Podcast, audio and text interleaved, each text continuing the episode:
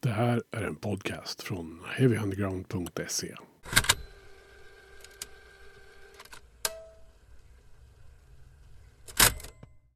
Då var man tillbaks efter en helg i Göteborg. Och vilken helg det var. 40 years of punk. Eh, Punk-Johan i Göteborg arrangerade sin 40-årsfest. Med bland annat ett Dödens Maskineri, Vicious Arene, Böset och Bonnie och Ulke på scen. Det var en fantastisk kväll med fantastiska människor och fantastisk musik. Eh, och jag passade på faktiskt när jag fick möjligheten eh, att eh, få in Ulke och Bonnie i samma rum. För att ha ett litet samtal om punk och sånt. Och här vill jag rikta ett särskilt tack till Roger på Suicide Records som såg till att vi kunde vara på Kulturlagret och göra den här eh, poddinspelningen. Stort tack till Kulturlagret och Roger alltså. Eh, och det här är ju en så här liten drömintervju eller drömsituation för mig. För att eh, både Bonnie Pontén eh, och hans Asta Kask har betytt fantastiskt mycket för mitt musiklyssnande genom åren. Sen tidigt 90-tal då jag började lyssna på punk. Eh, och eh, Ulke med både Strebers och Dia Salma har för alltid en plats i mitt hjärta. Eh, och har varit soundtracket i tre årtionden nu. Eh, så att eh, det här var lite speciellt eh, för mig. Att få sitta med de här två herrarna och prata om musiken och punken och allt däromkring. Och det var lite fascinerande också för att eh, det är två helt olika personligheter ni kommer att få träffa i den här intervjun. Ehm, Lite skämtsamt sa jag att eh, eh, det här avsnittet skulle heta Två introverta typer och Bonnie Pontén. Ni kommer att märka varför. Eh, men eh, det är på ett fantastiskt sätt. Eh, de här två herrarna är som personer och som musiker. Och det var eh, ett sant nöje att få sitta ner med dem i en soffa i en timme och bara prata. Jag vill bara också passa på. Det här eh, spelades in innan den eh, 12 september. Eh, och den 12 september så utbröt tyvärr en brand på eh, Birdnest Records och Karate 77s högkvarter Ögir i Köping. och det finns ingenting kvar av den kåken nu. Där jag bara för tre veckor sedan då satt och gjorde livepodd när Karate 77 släppte sin ödesbox. Så mina tankar går till eh, Per och Lotta som har förlorat ett livsverk. Och förlusten för oss som gillar punk, eh, allt som har med Karate 77 och sånt att göra, eh, så är förlusten enorm. Så vi tillägnar det här avsnittet lite grann till eh, Burners Records och Per Granberg också. Nu ska vi eh, lyssna på eh, samtalet med eh, Bonnie Pontén och Ulke från Asta Kask och Strebers och Dia Salma. Här i Heavy Undergrounds podcast och jag, jag heter Magnus Tannegren. God lyssning. Eh, jag tänkte det var liksom en sån möjlighet man fick när ni var liksom på samma ställe. Liksom. Jag tänkte kunde inte låta bli då passa på till. Ja, precis. Det är kanske nu vi kommer göra upp om gamla affärer och äh, gamla otrohets och triangeldrag och, och sånt Allt sånt här som ingen annan vet något om. Va? Precis. Eller inte. Nej, men så Bonnie Pontén från Asta Kask. Mm, uh, Ulke Strebers Dias Alma, välkommen ja. till Heavy Undergrounds podcast. Tackar, tackar. Vilken ära att ha er här. För mig är det ju liksom så här fem år av lägenhetsfester i Hallstahammar. så soundtracket till det. Ja, så antingen är det tack vare oss eller så är det vårt fel att du sitter här idag. Det kan vara både och. Ja, blandat. Ja, precis. Ja, men tack själv för att, eh, för att vi får vara med. Ja, Absolut. Ni ska, ju, ni ska ju spela här på 40 Years of Punk för Johan som har arrangerat fest ikväll. Ja. Mm. Eh, så det ska bli jättekul att se er i varsin solospelning. Är det väl? Mm, ja, precis. Jajamän. Eh, men jag tänkte först så här. När träffade ni varandra första gången? Kommer ni ihåg det? Um, Vi får ju nästan gå tillbaka till kan det vara 84, 85 någonstans. Ja, vi måste ha spelat ihop några gånger där kan jag tänka Ja, mig. ja, ja. Eh, nu är det så att jag, jag är ju skitdålig på att komma ihåg. Men någonting som jag vet det är ju till exempel gigget i Strängnäs som jag tror att ni var med och det. arrangerade. va? Det stämmer nog. Det kom ingen scen och så här. Vi fick stå på marken. Och, och kan efteråt det så gick vi till Oredsson-familjen och härjade i deras trädgård. Ja, ja. Så poli, polisen fick komma och plocka bort oss och så. Då spelade vi ihop. Ja, ja. Ja, ja. ja, just det. Ja, det, var, det var något tidigt band. Då spelade vi nog... Ja, vad vi nu kan heta. Ja. Nej, men sen var det ju, om jag minns saker rätt då, det kan ju vara fel då, men eh, ni hade ju liksom en startsträcka där och ni exploderar ju liksom verkligen. Men det var ju ungefär i samma veva som vi beslutade oss för att lägga ner. Ja, Så, så det var ju nästan lite grann i skarven där. När ni började vinna mark och sådär. Så hoppade vi liksom av. Vi blev antagligen rädda för er. Det är nog det. så det ha varit. Jag tänkte säga det, Asta Kask och Strevers, ni liksom kuggar i varandra liksom. Lite så blev det ja. Ja. ja precis. Ja, om man ska se rent tidsaxelmässigt Ja. sådär. Ja. Mm. Men innan det så hade vi ju i alla fall, i alla fall något år, ett eller två år där det var lite parallellt. Och där stötte vi ju liksom på varandra. Så. Ja. Men nu skulle ni beskriva punkscenen på den tiden. Det här var början på 80-talet då. Den var ju lite annorlunda. Det var ju... Största skillnaden tycker jag nog var att banden var inte så bra på att spela på den tiden. Nej, du var väldigt diplomatisk. Ja, men äh, nu för tiden så är alla så jävla bra. De är ju skitbra på sina instrument alla. Ja, det kanske, det är Men, kanske så man ska uttrycka det. Det, det är ju så att Ja. alla band är så jävla bra numera. Så är det nog. Och rent speltekniskt och, och, och ja, du vet, du vet, stämmer och alla de här färdigheterna. På 80-talet var det ju kanske det var ju kanske fortfarande kvar väldigt mycket med att attityd kanske och sådär var viktigare än Ja. det man faktiskt lyckas åstadkomma ur högtalarna. då. Och Vilken åsikt man nu än har om det. Men då var det ju verkligen kanske lite mer sådär att att jag tror band bedömdes inte så, så mycket på kvaliteten på det som kom ut mer än vad, vad man kände för bandet i allmänhet. Så.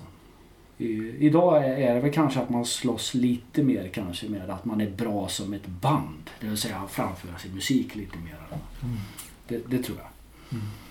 Även om det andra fortfarande finns. Man ska ju också komma ihåg, liksom, jag brukar säga det, man är inte 50 längre. Därför är det ju inte rättvist heller att låta en, en, eh, en gubbe så här förklara. Liksom. Nu förstår jag, frågan är ju ställd kanske hur vi, hur vi tycker. Då. Men vi har ju inte facit. För att det är som så kanske spelningar som både jag och Ulke gör, det är ju inte längre liksom på den här ungdomsgården eller, eller den där scenen i en gympasal arrangerad av 15-16-åringar och så. Eh, utan vi rör oss ju mer i forum kanske där, det kanske är mer branschen som är inblandad och sådär. Och då är det lätt att, att tro, att förledas att tro att ja, det är ju inte samma grej längre. Men det, jag skulle inte drista mig att säga så för att eh, eh, jag tror att det där fortfarande finns kvar. Det är bara det att den finns ju kvar även om inte jag just är och tittar på de här banden vid de tillfällena. Men jag tänkte, Ulke, du måste ju ha... Asta Kask fanns ju liksom när du började. Ja, absolut. När hörde du Asta Kask första gången? Eh, Jag tror det var på Ny Våg. Måste det ha varit. Jag kommer inte ihåg när det kan ha varit. Jag tror precis när jag hade släppt första singeln eller något. Kan jag ha varit med på Ny Våg då? Ja, eh, vi, vi, kan börja med att säga vi då. Men det finns Ja. ju en modifierad sanning kring det. Men, men vi då, Asta Kask då, var ju med på Ny Våg. Eh, först med demo och det var ju innan så att säga den första EPn släpptes. Det var ju demoinspelningar, samma låtar Ja. kan man säga då. Eh, sen eh, var vi även med då sen när EPn kom då så att säga. Så att det borde ha varit typ eh, ganska tätt tror jag. Eh, tidigt 81 eller något sånt där. Ja, ja. Tror jag att det var. Det kan nog stämma. Och då var det ju den allra första upplagan av Asta Kask. Då. Det var ju bara Micke som var med från den, eh, från den tiden. Då. Sen var det ju Uffe, Pelle och Steve Aktiv. Då. Som stod bakom det. Men grejen är att de hade redan splittrat som band. så historias saga var ju redan avslutad liksom när det kom med på nivå om man säger så. Är Asta Kask Sveriges mest splittrade band överhuvudtaget? Nej det tror jag inte. Jag, jag tror Dia Salma leder den ligan för oss. Ja, tror jag. det, så kan man nog vara. jag tror ni, har- ni har lagt av fler gånger än vad vi har gjort. Ja, vi har, jag vet inte hur många gånger vi har lagt av. Men, eh, nej, men, nej men så är det ju. De la ju ner där va. Och sen så träffade ju jag och Micke varandra. För vi kände ju varandra. Och, och jag hade andra band. Och, och vi träffades i ett sammanhang. Eh, och hade börjat snacka med varandra. Mitt band hade lagt av. Så vi bestämde oss för att lira ihop liksom. Och eftersom jag var låtskrivare och leadsångare i mitt band och han var samma i sitt så blev det naturligt. Eh, två låtskrivare och leadsångare träffas. Så vi behöll ju den grejen då. Så därmed att den nya upplagan av Asta Kalsk bestod av två leadsångare. Då. Och sen så Björn och Örne. Och sen är det ju den historien som gäller då. Kan man säga då, ja, men från slutet av 81. Och sen gjorde vi våra första gigs gjorde vi, jag tror det var februari 82 tror jag. Och så då. Sen har ju vi egentligen bara lagt ner en gång. Efter det. Så det måste, måste, ju, måste ju vara rättvisa här. Ja, ja, det är bara en känsla. ja, ja, ja. Det, är, ju- det är ju faktiskt bara avskedsturnén 86. Va? Ja. Sen avhöll ju vi oss ifrån massa återföreningar i 11 år kan man säga. Vi, ja, vi gjorde ju eh, något gig där för eh, Vita huset där. För, skiv, Ja, ja. för skivbolaget Bit Butchers där ville ju ha något jubileum där. Då. Men det var, ju, det var ju liksom ett gig och det var ju tänkt att det skulle vara lite internt. Så. Ja, Och sen så gjorde vi ett gig också 92 då, för Ljushuset. Men det var aldrig ämnat heller som en återförening. Så att säga. Och vart ju heller inte något mer än just det. Då. Strebers då? Hur liksom...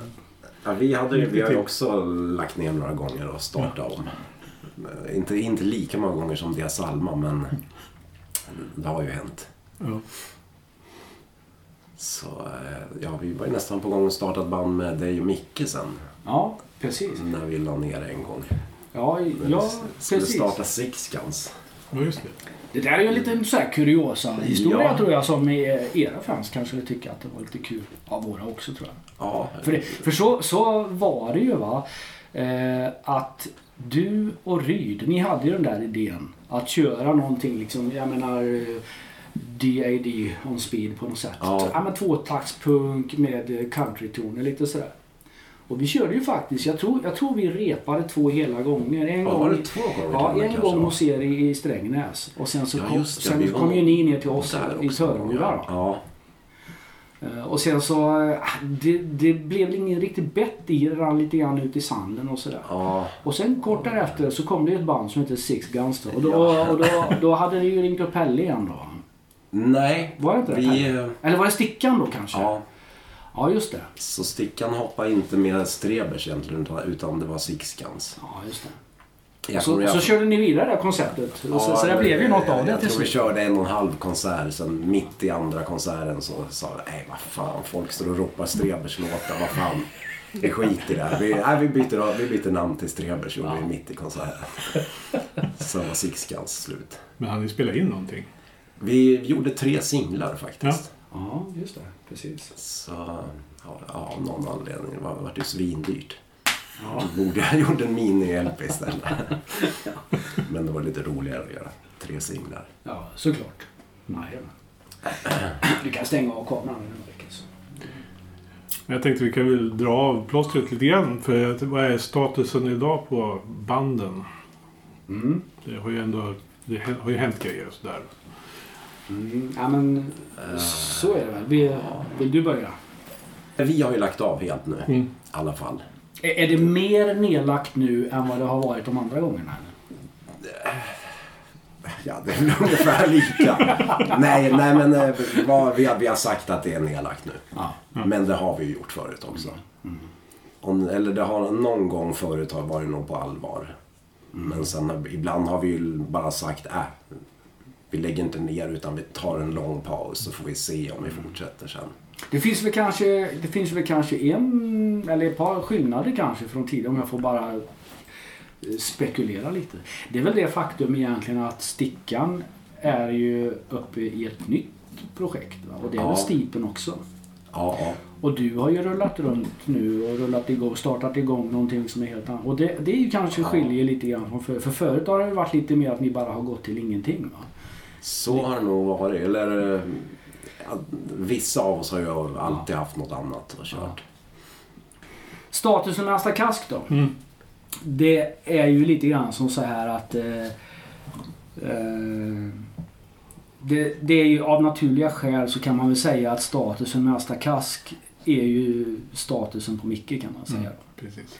Eh, och det, det är ju ingen hemlighet av vad Micke brottas med. Han, han brottas ju med, med cancer och sådär. Men för alla som undrar där ute så är Mickes dagsform är liksom bra. Alltså så, så att, eh, eh, han går ju på behandling och, och sådär och behandlar ju sitt sjukdomstillstånd. Eh, men han sitter ju liksom inte hemma och deppar utan han är uppe på benen och, och gör sånt som han tycker liksom är kul. Mm. Men kommer det här leda till att han blir friskförklarad och Asta Kask fortsätter där vi var? Nej, det är nog tveksamt. Mm. Att det är så. Ska vi vara realistiska så är det nog som så att Asta Kask eventuellt gjorde sin sista spelning på Close-Up-båten sist. Mm. Eh, Så är det nog. Men för oss i bandet är det liksom kanske ingen... Ja, det kan vara en viktig fråga att vi skulle fatta beslutet att nej men nu, nu sätter vi oss vid bordet och så klubbar vi. Nej, nu lägger vi ner. Och då kommer ju alltid frågan, ja men okej, hur ska vi avsluta? Ska vi göra ett stort sista gig? Ska vi släppa en sista platta? Det där är ju frågor som är intressanta. Alltså. Men- Men själva frågan för oss huruvida Asta Kask ligger ner, den är inte så jävla viktig. Eh, Jag tror inte Asta Kask liksom för oss som personer är så jävla viktig som folk tror. Micke han har ett liv utanför Asta Kask, det har jag också. Och sådär. Så att, eh, och jag menar Dadde han spelar ju regel i minst fyra fem band så han har ju följt upp ändå. Och, och Örni är ju som Örni är, han är ju inte människa, han är ju ett väsen. Så att jag menar...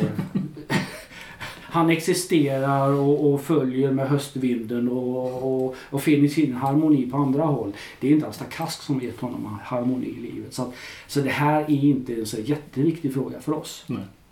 Men å andra sidan så kan jag väl tänka mig både för dig Ulke och dig Bonnie att banden liksom, det måste, det måste ju vara en så stor del ändå av er person och liv och sådär. Det, måste, det har ju ändå tagit upp Ja, det, 40 år typ av existensen. Det, det går väl inte att komma ifrån antar jag. Du är ju och förblir Ulke från Dias Alma och Strebers. Ja. Liksom. Jag är väl och förbi Bonnie, Asta Kask och Cosa Nostra. Liksom. Spelar nog ingen roll vad vi hittar på efteråt. Så nej. är det nog så det kommer stå på affischen om man så säger. Ja, det, jag vet inte om man säger tyvärr eller... Men sen är det väl lite grann som så här att vad jag ska göra nu och framöver. Jag ser väl egentligen bara att eh, ja, det blev ju plötsligt intressant på ett annat plan. Just nu så håller jag ju på med den här akustiska grejen och gör. Och jag har väl sagt det lite grann att jag vet ännu inte riktigt om jag kommer ha ett band igen.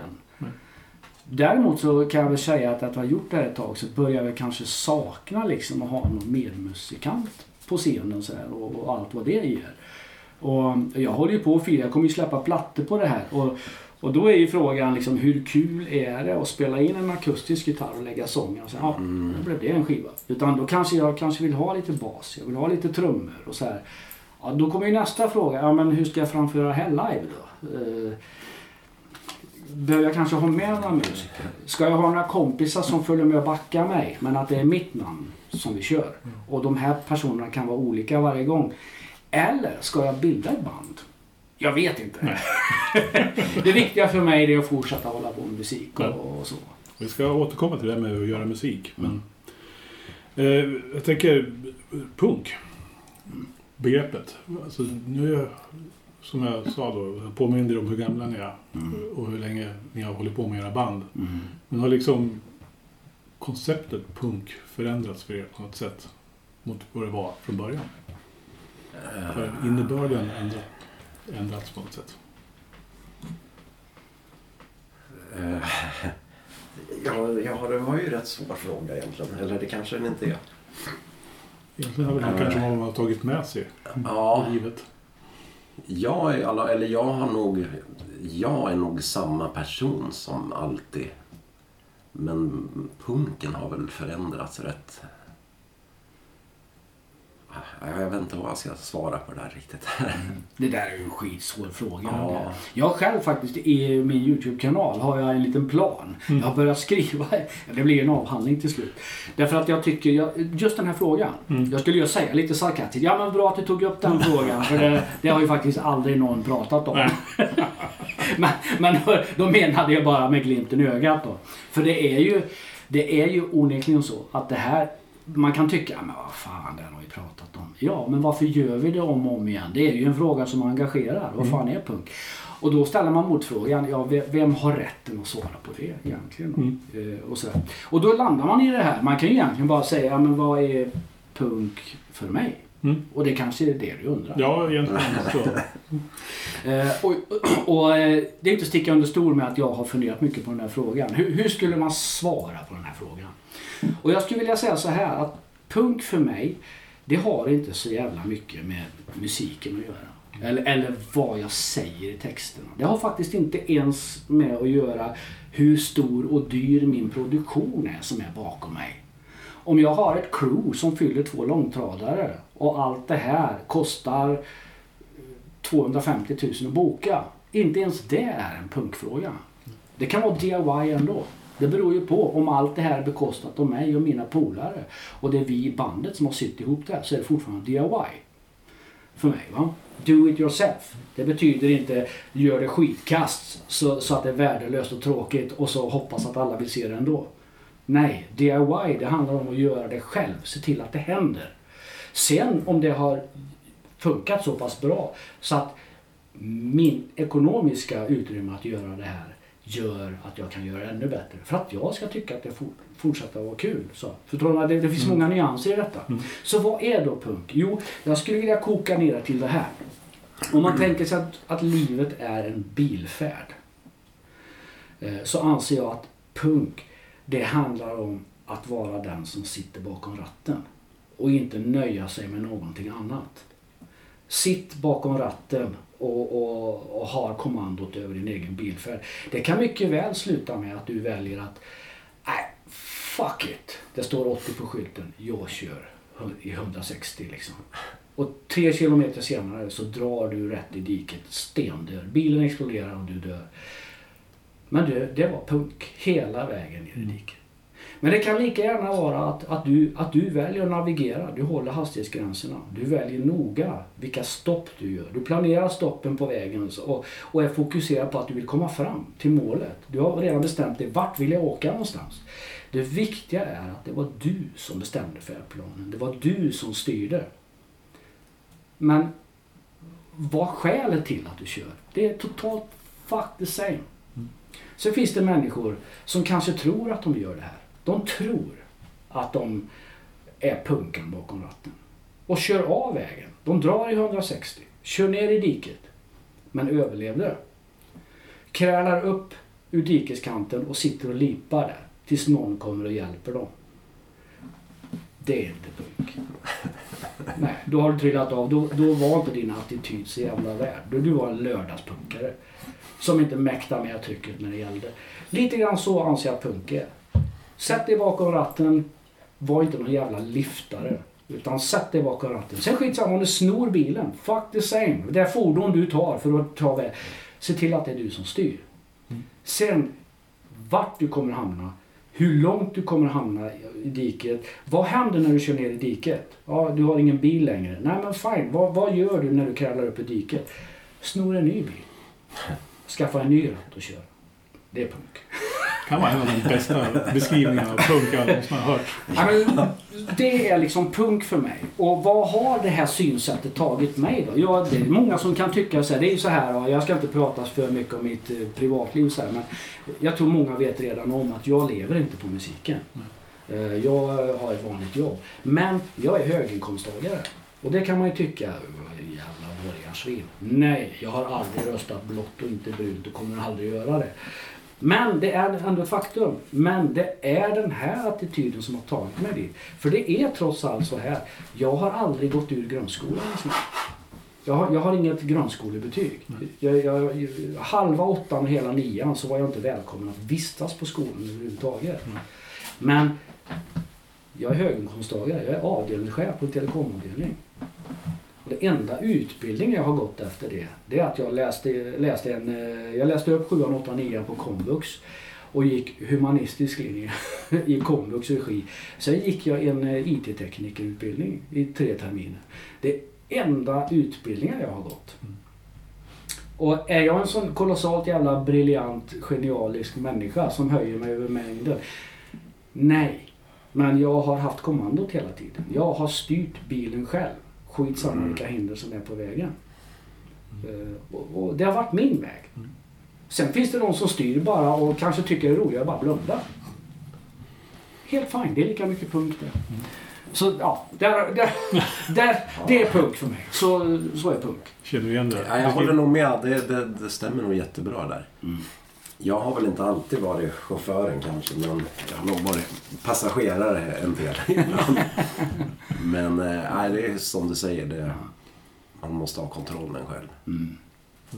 Och där finns det ju då den här, just den här, eh, just den här beskrivningen lite grann. Det är ju lite känga kanske lite grann på... Eh, jag nämner inga namn, jag skulle aldrig falla mig in och göra det. Men jag vet att det finns en kategori av människor som är lite läktarproffs idag och är lite moralpoliser. Och, och sitter och har jävligt mycket åsikter. Vad gamla punkare pysslar med idag. Eh, har åsikter om att KSM3 spelar på Liseberg, att Asta Kask tackar ja till en spelning på Liseberg, att Dias Alma spelar på Gröna Lund och så vidare. Det här är liksom människor som körde ner i diket, kravlade upp och satt i vägkanten och suttit där och lipat i 30 år. Och nu när de ser oss andra komma och fortsätta styra så sitter de och bittra över det och tycker att det är moraliskt fel. Ja. Inga namn nämnda. Inte sällan nyktra alkoholister som valde att bli alkisar på 80-talet istället för att styra något vettigt håll. Men jag tänkte, vi ändå Och, och nu tycker att o- världen är orättvis för att inte de också spelar på Liseberg. tycker att det är viktigt att imponera på polarna så kan man gå i den här fällan. Jag får inte vara för snabb nu för det, tanken är att jag ska dryga ut den här setlisten på en timme. Så hela min professionalitet står ju på spel här. Ja, men jag tror ju att, att misslyckas jag med det här, då kommer Johan mobba mig på parkeringsplatsen här bakom. Och det, ja, det, den tanken skrämmer mig lite.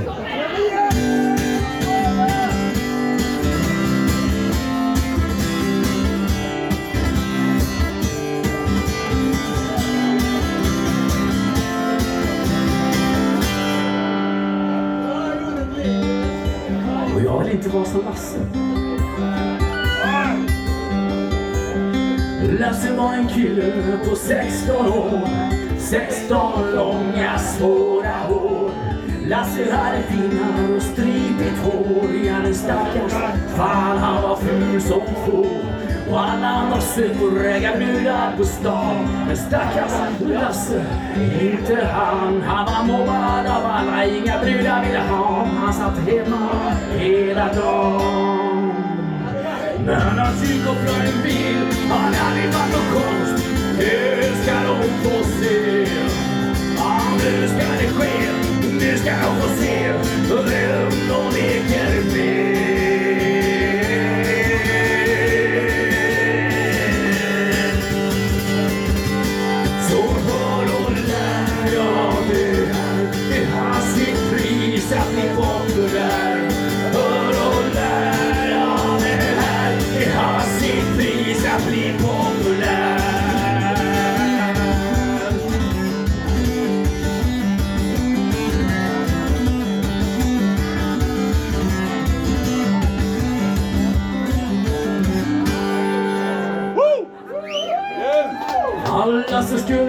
Skulle visa alla jävlar på stan att han nog var häftig utan bara fan.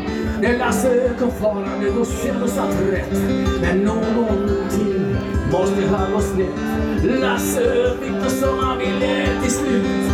Polarna såg då ganska snopna ut. För i kurvan vid torget låg dörren på lur. Han smällde mot en mur. Han såg nog ut. Det färden fick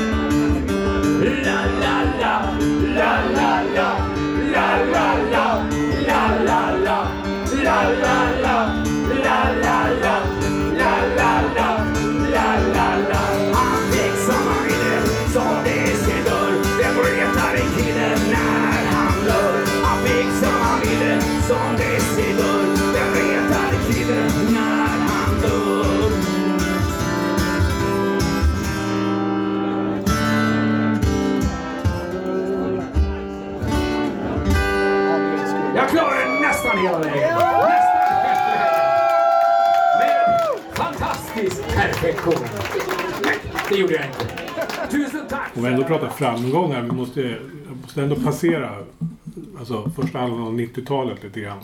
Tack. Nu tittar vi på dig Ulke lite grann. För att ni, ni, ni lyckades ju ändå få någon sorts genombrott där. Ja, det vart väl lite så. Ja, jag, har pratat med Per Granberg om det där. Ja. Deras fax på Birdmans gick dygnet runt bara med beställningar. Och de höll på att jobba ihjäl sig och Ja, drev band och helt galet allting. Sjukt faktiskt. Vilken jävla grej det blev alltså. Ja, Du som, jag vet, jag intervjuade dig för jättelänge sedan, 2007 eller någonting. Ja, okej. Ja, vi pratade om det där då och du sa att det blev kanske lite mycket. det vart ju faktiskt. Det vart ju lite för mycket. På vilket sätt? Eh, jag, jag, jag, jag, jag gillar ju inte att vara för igenkänd. Mm. Ja, man är ju, jag, jag tycker det är rätt skönt att smyga omkring lite i bakgrunden och sådär. Men det vart ju så enormt stort. Det var ju ett tag man kunde inte gå på stan hemma i Strängnäs ens utan folk skulle ha autografer och... Så det... Äh, äh, personligen så trivdes inte jag så mycket med det faktiskt. Lärde du dig någonting av det? Det gjorde jag nog. Jag lärde mig nog ganska mycket. Som jag nog har glömt bort. Nej, men, jag, jag har inga, inga bra svar på det där men man lär nog ha lärt sig väldigt mycket egentligen. Mm. Av den tiden, det kan jag tänka mig. Jag tycker ändå lika plötsligt som allting hände så liksom på något sätt fejdade det ut Ja, jo, ganska det, snabbt. Det gjorde du faktiskt. Ja. Eh, helt klart. jag har lite kortare svar, ja. Än, Det, det är för att jag är så osedvanligt jävla babblig. Så jag, jag sitter ju medvetet här och låter bli att svara. Jag tänkte att jag, jag måste låta Ulke prata. Men, Men jag tänker, du då Bonnie, som, du hade väl Cosa Nostra då? Mm. Eh, Men du måste på, något sätt så liksom, måste du ha sett det här lite från sidan. Hur det liksom... Du, jag såg det så in i helvete kan jag säga. Hur det brakade iväg.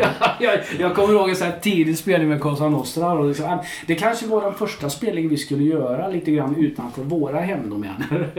Då var vi bokade. eh, Det var något område. Det var någon, eh, något ungdomsgårdskomplex i Bro. eh, Mitt i ett hyreshusområde. Och vi var bokade där och jag var ju pepp som fan på det här. Och jag menar, internet fanns ju inte riktigt på samma sätt då. Nu, nu snackar vi ju liksom... Ja, vad var det här för tid? 92? Ja. Någonstans där va.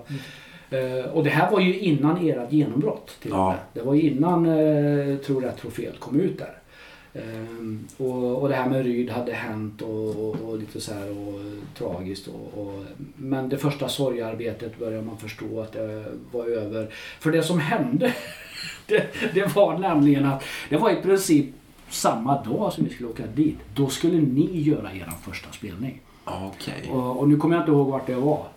Men det, alltså vilka förutsättningar. Här kommer vi, Cosa Nostra, jajamän. Och, och har jag ändå en viss tro att ja, men det borde finnas lite nyfikenhet på det här. Också. Har en viss förhoppning att det här kan bli lite kul. va. Kommer till Bro. Och liksom får veta liksom att ja, jo, det var massa folk som skulle komma hit men eh, ja. Sen blev det Salmas eh, debutgig så, så alla skulle åka dit. Liksom, sådär.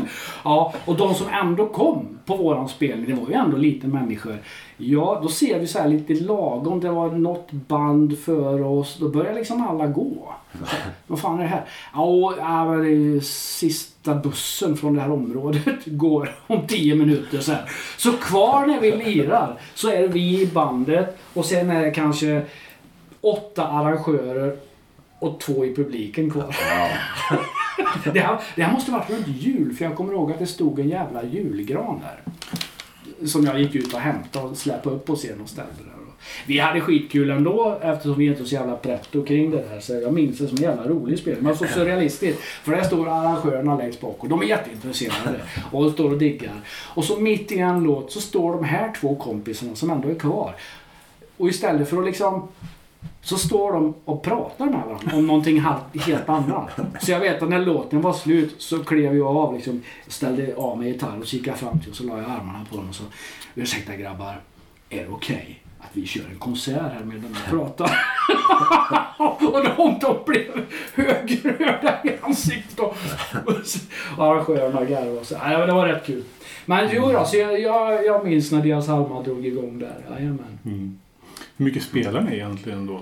där- De åren där. Jag, jag kommer ihåg att jag såg er, jag kan inte ens komma ihåg hur många gånger jag lyckades se deras Jag har ingen aning men, men kan det ha varit uppåt 100 spelningar något år. Mm. Säkert. För jag, jag vet ofta var det ju att man man hann bara hem och betala räkningar och sen åkte vi iväg igen. Och... Men det vart lite för mycket då. Det, det vart för mycket som ett jobb. Mm. Tyvärr, så man tröttnar väl lite på det egentligen. Det måste vara lite, lite hobbykänsla på det, tror jag. Ja. ja, det är det. Amatör betyder väl den som gör något som är det man älskar. Liksom. Ja. Så det, Ja, det är ju egentligen det som är nyckeln till det. Att det måste ju fortsätta vara kul. Liksom. Ja, det får inte vara av plikt och för att av, ett avtal säger så. På, på något sätt då. Nu säger jag inte att det var så för er då, men, men det blir det där. En, en turné bokas ju alltid i förväg. Ja, Det behöver ju inte betyda att de sista åtta spelningarna faktiskt var kul. Man, hade kunnat, man kanske redan hade tröttnat efter 15. Va? Och ja, då blir det ju jävla plåga. Men det finns ju ett avtal som säger att vi måste göra dem. ja.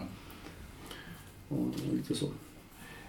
Men vi, vi snabbspolar lite grann. Nu, hur länge, det här med det akustiska. När ni, när började ni liksom, kom ni på att ni skulle göra det? du har väl hållit på ett tag? Mm. Ja, ja. Ja, jag, har, jag har väl aldrig egentligen varit inne på att göra det, men sen... kan det ha varit ett år sedan var det en kille som skulle ha någon fest i Torshälla. Han han hade nog tjatat på mig i ett år att han ville att jag skulle komma och spela några låtar. Mm. Och sa nej, nej för fan, nej det går inte. Det, det vågar jag mig inte på. Sen råkade väl jag tacka ja till det en gång. Ja, vad fan. Han erbjöd rätt mycket pengar så jag tänkte, ja, jag hade ingen jobb då så jag tänkte, ja, jag kan väl prova. Och då, ja, då var det en annan arrangör i Skåne som hörde av sig. Ja, ja, Då tänkte jag, ja, jag kan väl lika gärna köra där också. Sen, sen märkte man att det var ju faktiskt rätt kul. Mm. Så nu, nu ja, jag säger som det jag, jag vet inte vad man... vad som händer här framöver. Om man fortsätter med eller startar något band eller ja. Men man kommer ju hålla på med musik i alla fall. Men än så länge känns det ju rätt kul faktiskt. Det, Är det liksom, jag tänker, det är skillnad att stå med förstärkare och trummor och allt vad det är. Och sen så sätter man en akustisk gitarr i handen. ja, det är ju jätteskillnad. Ja, liksom, hur, hur, eh, jag är ju inte musiker på något sätt, men hur, hur närmar man sig eh, arga punklåtar när man ska göra om dem till akustiska? Ja, jag, jag har väl i och för sig försökt att köra dem ganska arga fortfarande. Mm. Men... Eller det är väl mest för att jag har väl aldrig haft tid att, att, göra, att göra något annat. Men nej, men... eh, Nej, eller jag, jag har väl närmat mig det på det sättet. Mm. Än så länge. Att, att jag halkade in på det, det, det var ju en liten annan vinkel sådär. För att jag har ju, alltså även när Asta Kask höll på för fullt och sådär så, så har jag alltid, jag har alltid varit lite pepp på Johans grej sådär. Och, och tyckte att för fan vad coolt det där var. Fan vad, vad skönt det måste vara att vara Johan ibland. För han är så, han har ju en period. Ja, så turnerar han, då har han några musiker med sig och så kör han sina gamla KSMB-låtar, lite Strindberg, så han har ju hur mycket skatter som helst. Så rätt och rätt så kommer han ensam på en campingplats eller på ett bibliotek i foajén med sina akustiska gitarrer. Va? Och han är alltid så jävla relaxed. Jag är övertygad om att han vet, jag tror inte ens han vet vad han kommer spela när han går och sätter sig på pallen. Och sådär va. Och, ja, fan jag blir lite pepp på det där och tyckte att fan det där vore ju coolt. Men jag är ju, har ju varit då, lite grann som du. Jag har ju aldrig betraktat mig som en musiker. Jag vet att det finns massor med, med unga killar och tjejer där som på något vis eh, håller mig högt som gitarrist och tycker att jag är skicklig. Alltså, men jag har ju lurat dem allihopa. Och Jag spelar ju bara mina egna låtar. Och, och, eh, och det är ju skitlätt. att spela riff som jag själv har kommit på, det är väl klart. Det är ju, det är ju helt safe. Det är ju värre att ge sig på en, en, en AC/DC-cover för då, måste Ja. då vet ju folk hur du spelar fel för de vet ju hur den ska låta. Ja, Så jag har ju lurat dem allihopa. Men jag har ju aldrig betraktat mig själv som en liksom skicklig musiker. Va? Eh, och då är precis det du säger, det här med bandet. Du kan, du kan ta mig ihop med mitt band. Du kan sätta mig på precis vilken scen du vill. Om det så är för 100 000. Eller om det är för 10 000. Eller om det är för tre personer. Eh, aldrig nervös. Inte ett skit. Det här, det, här, det här kan jag. Det här är my backyard. Det spelar ingen roll. Jag jackar in och kör. Men bara det här innan det här första giget. Om du hade suttit och pratat med oss nu och så ja, och så har jag en liten utmaning. Och så tar du fram en akustisk gitarr. Och så säger du Bonnie, kan du spela någon låt?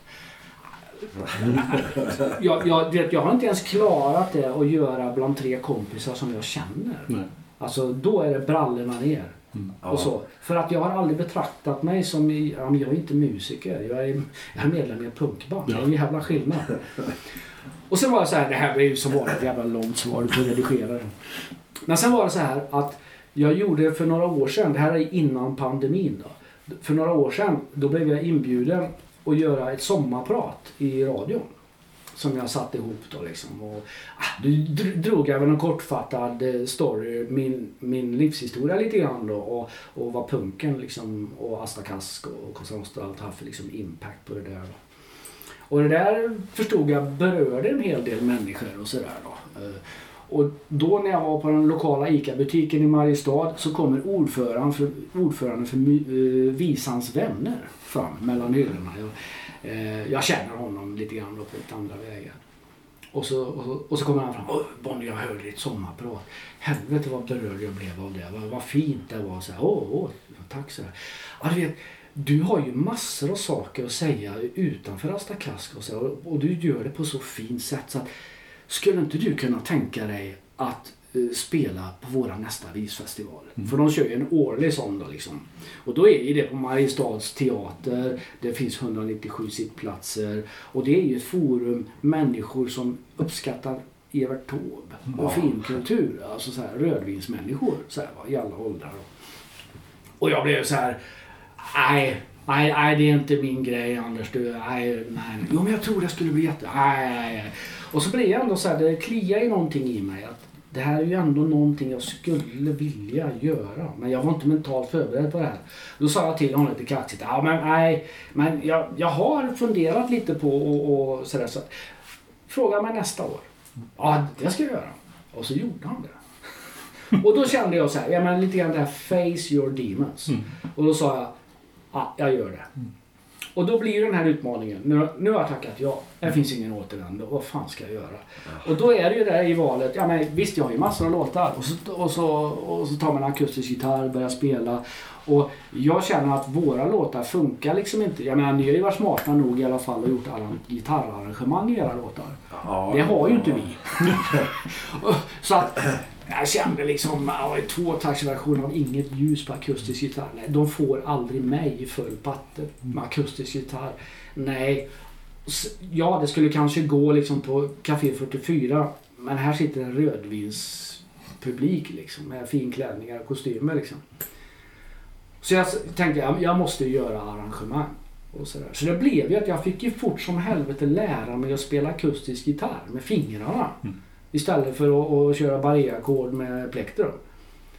Eh, Och det där lossnade för mig till slut. Till slut hade jag ett litet set med låtar som jag kände att men det här är tillräckligt bra. Jag spelar in mig själv och jag lyssnar på det. Och, och jag får ändra lite där. Och så kommer den stora kvällen.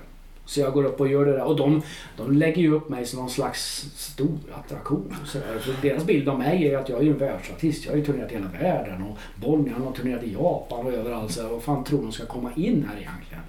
Och jag är ju så jävla nervös. Jag är så här sjukt nervös. Jag tänkte det är ju bara att säga som det är. Så jag sa till dem, det är första gången jag gör det här. Jag är totalt livrädd. Så här. Ja. Men så gjorde jag det där. Och när man har gjort det sen så upptäckte jag, fy fan vad kul det där var. En helt annan grej. Och du vet man pratar lite mellan låtarna och folk lyssnar på vad du säger och de garvar liksom. Och du vet, och det är en helt annan kontakt då. Och då fick jag mer smak på det där. Och sen kom ju pandemin och då fanns det ju plötsligt väldigt mycket utrymme för att göra sådana gigs. Då. Det, var ju det, det var ju det man kunde göra då. Och sådär. Så att, eh, men så är det. Jag har upptäckt liksom att, att det finns så många andra grejer i att göra Akguri-gig då. Eh, Som inte finns med riktigt med en Asta-spelning med full patte liksom. Nej. Det, är- det, andra, det är liksom en annan grej. Vi har knutit tillbaka lite till det du sa Ulke om att du inte riktigt trivs med att synas så Ja. mycket. Och så sätter du dig på en scen Ja, själv med en blå gitarr och, Det, och ska liksom, det är bara en gitarr och din röst. Liksom. ja, det är lite samma där, Face Your Demons.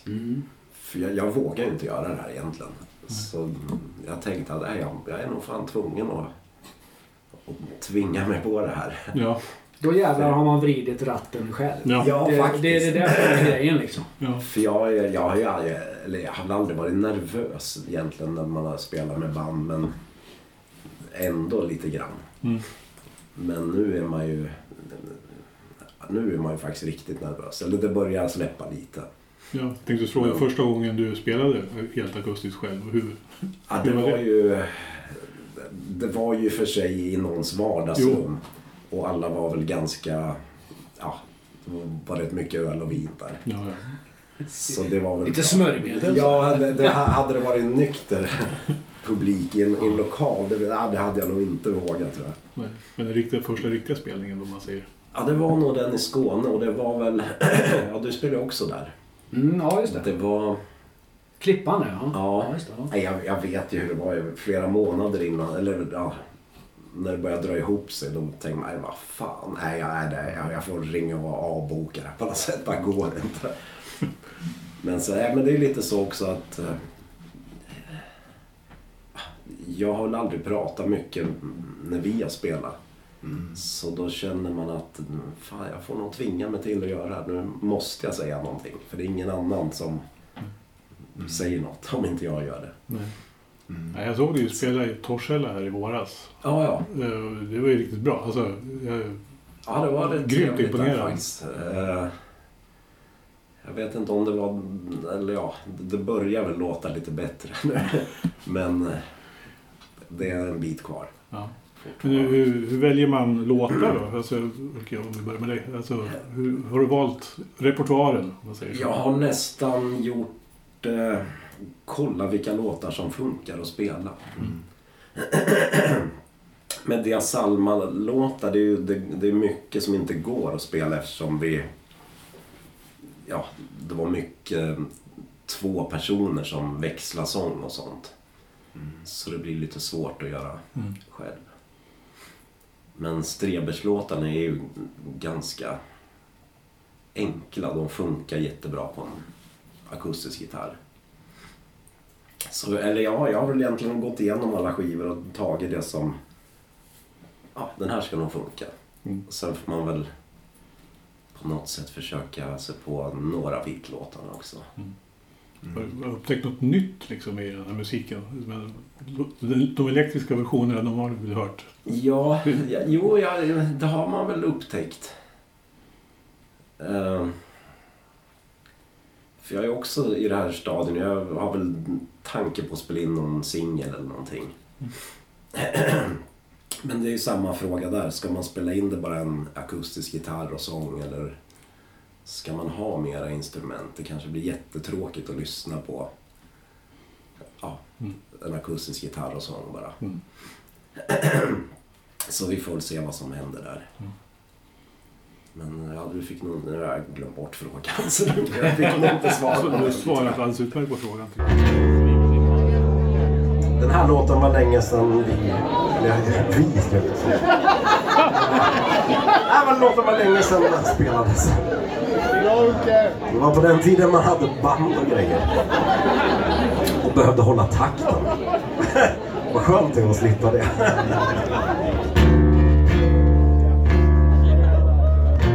Vi provar den här också.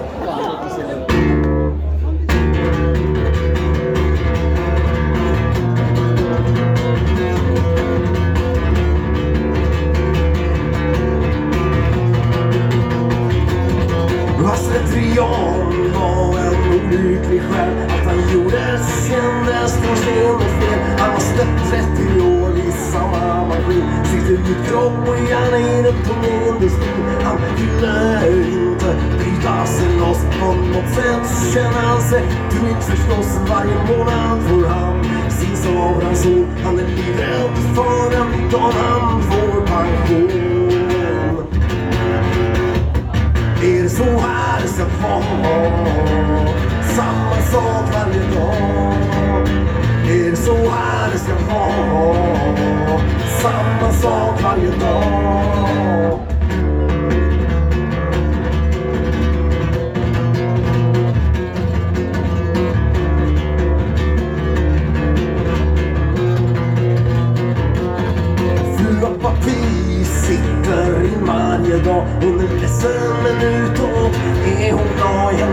Hennes hem står tiden still Men fantasin får hon som hon vill Då är hon i länder långt bort härifrån Då ringer en annars tyst telefon Hon är när hon tänker på det där Men så plötsligt så är verkligheten här är det så här det ska vara? Samma sak varje dag. Det Är så här det ska vara? Samma sak varje dag.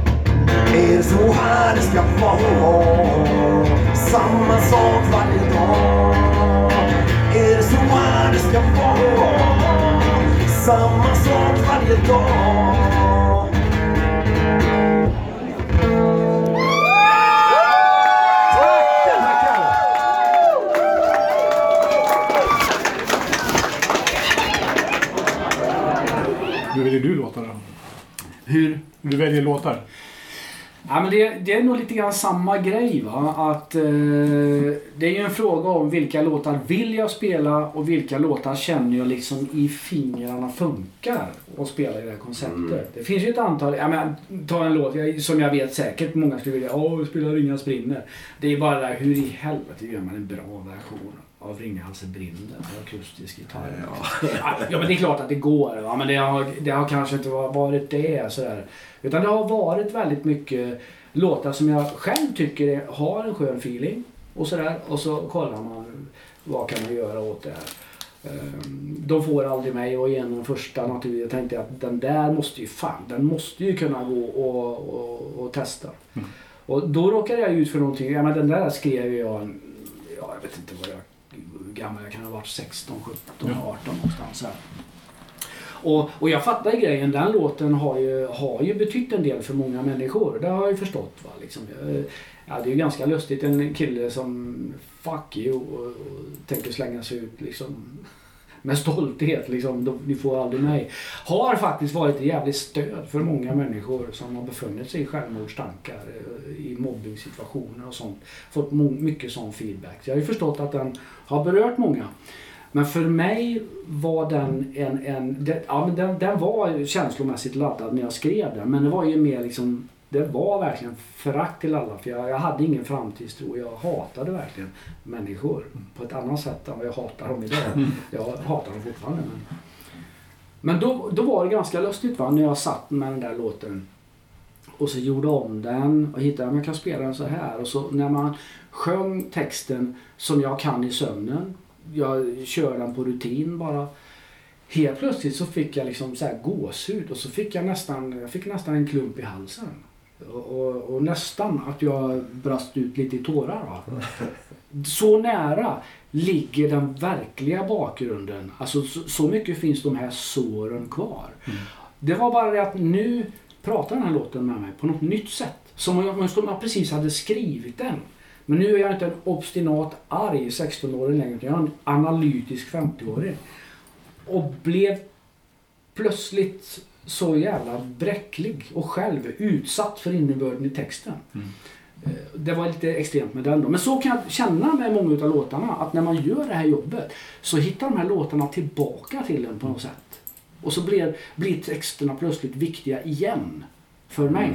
Mm. Från att de har blivit mer rutinmässiga. Någonting jag framför för att tillhöra showen liksom. Mm. Så har de plötsligt blivit så på riktigt igen. Liksom. Mm.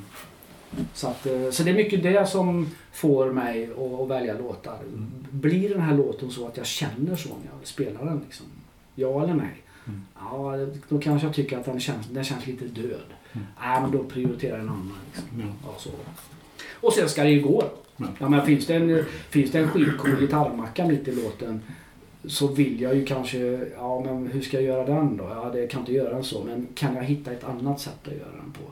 Går inte det, ja då kanske jag tycker att den är så viktig i, låten så att mm, nej, den får vänta liksom. Mm.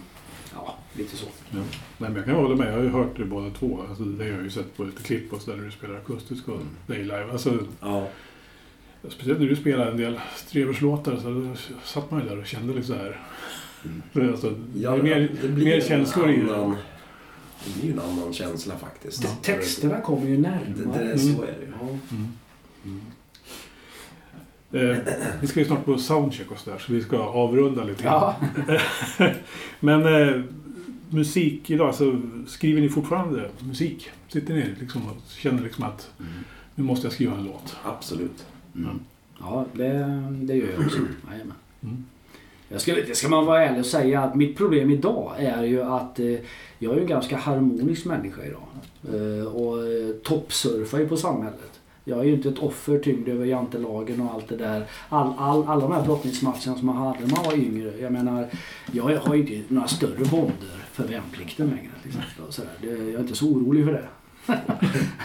Så att det, det, och för mig är det viktigt att, att inte skriva klichétexter. Jag kan inte skriva en, en text som använder benämningar som gubbjävel, ge fan i mig och tänka mig ja det här kommer nog en 16-åring gilla. Det blir inte trovärdigt. Så att det blir ju liksom att jag måste ju tänka i den situationen jag är idag. En vuxen person som mår bra. Som inte har några ekonomiska bekymmer. Som, som är i så pass stark ställning kan man ju säga i samhällsskiktet. Så att jag lider inte av eh, samhällets tvingande krav hängande över mig på något sätt. Så jag måste hitta en, en position där det här ändå berör mig. Jag tycker ju ändå att det är fel. Och då får jag skriva från det perspektivet. Inte som ett offer för det. Men för att jag principiellt betraktar det här. Och då, ja, jag får skriva som en vuxen punkare.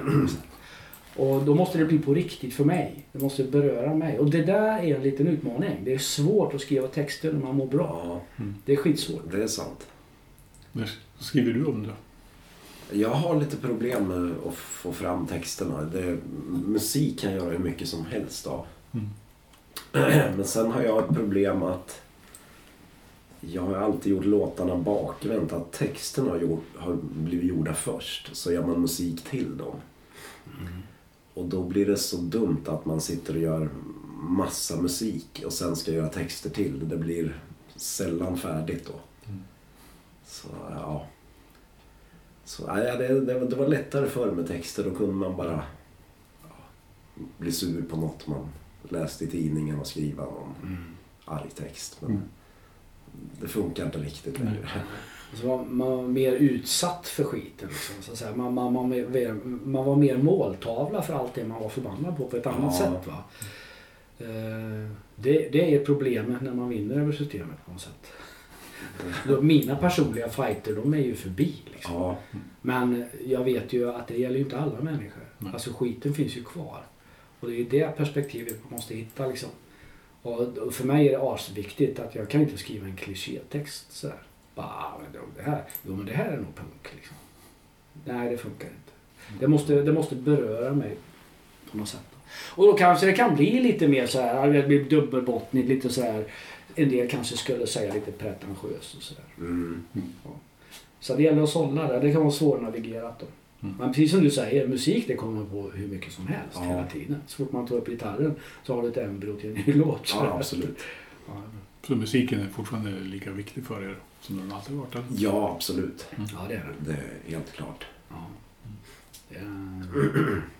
Ja, ja men så är det ju. Jag menar, jag har ju min hustru och mina barn. De är viktigast i hela världen. Men efter det så kommer musiken. Mm. Så eh, skulle jag hamna i en situation, jag sa ju det att jag har ju välbetalt jobb och sådär. Men jag skulle inte tveka ett ögonblick.